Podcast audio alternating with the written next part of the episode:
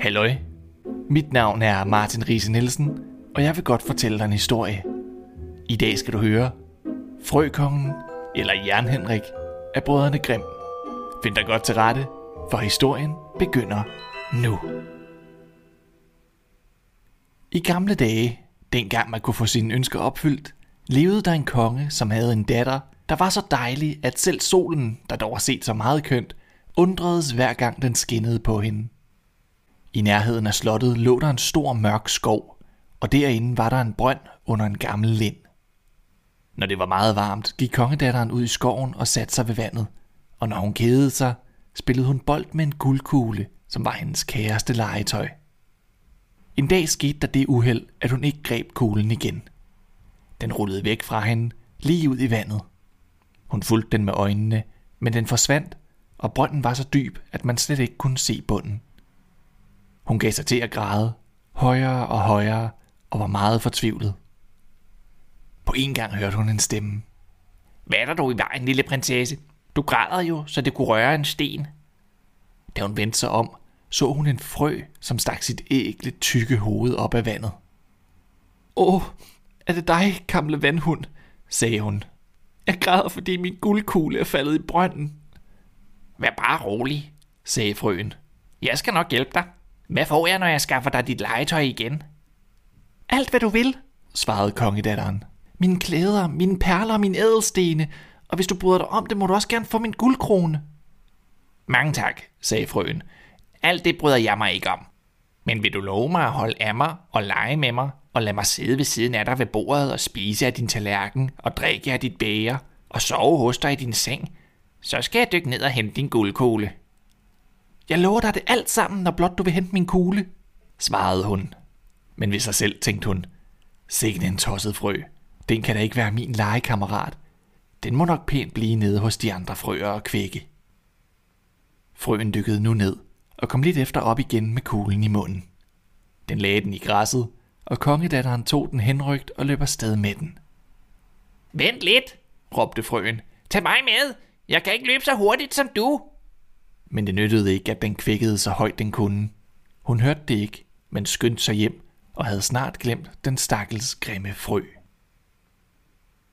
Næste dag, da den lille prinsesse og kongen og hele hoffet sad og spiste til middag, hørte hun noget, der kom op ad marmortrappen. Plask, plask.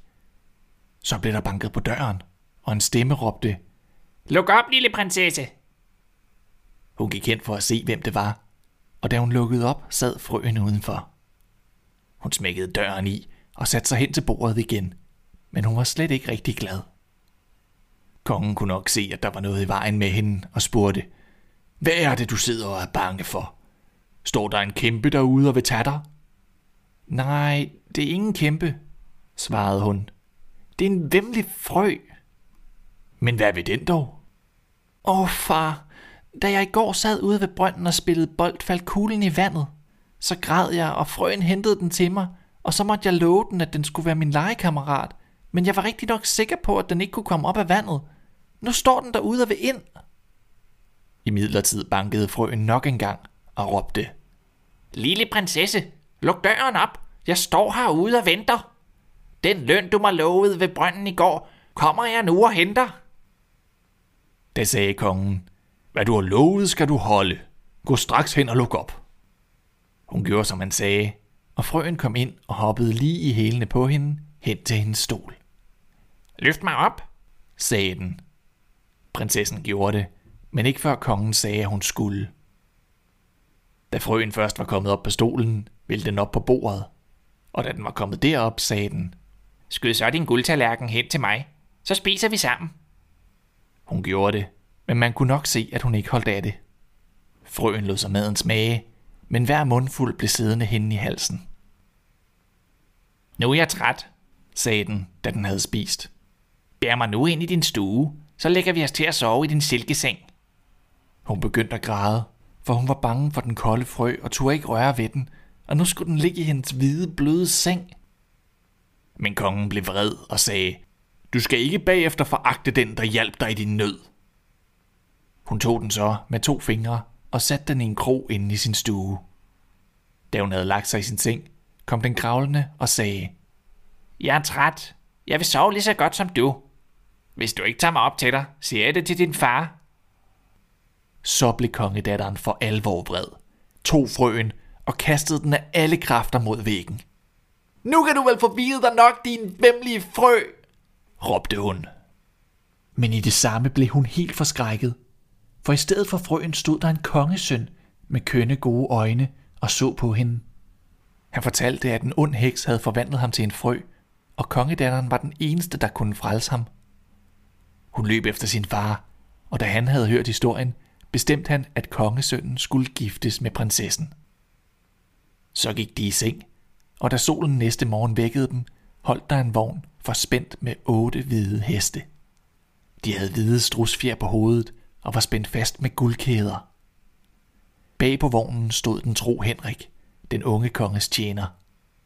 Han havde været så bedrøvet, fordi hans herre var forhekset til en frø, at han havde lagt tre jernbånd om sit hjerte, for ikke at det skulle briste af sorg. Den tro Henrik løftede nu kongesønnen og prinsessen ind i vognen og stillede sig bag ved dem, og hans hjerte svulmede af glæde over, at hans herre var frelst. Da de havde kørt et stykke, hørte kongesønnen, at der var noget bag ved ham, der knagede, som om det gik i tu. Han vendte sig om og sagde, Hørte du, Henrik? Aksen bræst? Nej, herre, vognen går støtter fast. Det var kun det bånd, jeg bar mit hjerte, at ikke det skulle briste af smerte, da I måtte friste et kummerligt liv hos frøer og tusser blandt tang og siv. To gange nu hørte kongesønnen noget, der knagede, og begge gange troede han, at vognen gik i tu. Men det var kun jernbåndene om den tro Henriks hjerte, der sprang, fordi hans bryst var fyldt af lykke over, at hans herre var frelst. Det var alt for nu. Tak fordi du lyttede til Rise Fortæller. Jeg håber, vi høres ved.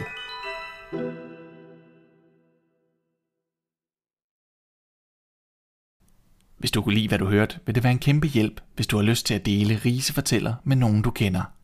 Eller hvis du har mulighed for at hoppe ind på Spotify eller Apple Podcasts og give serien en anmeldelse. På forhånd, tusind tak. thank you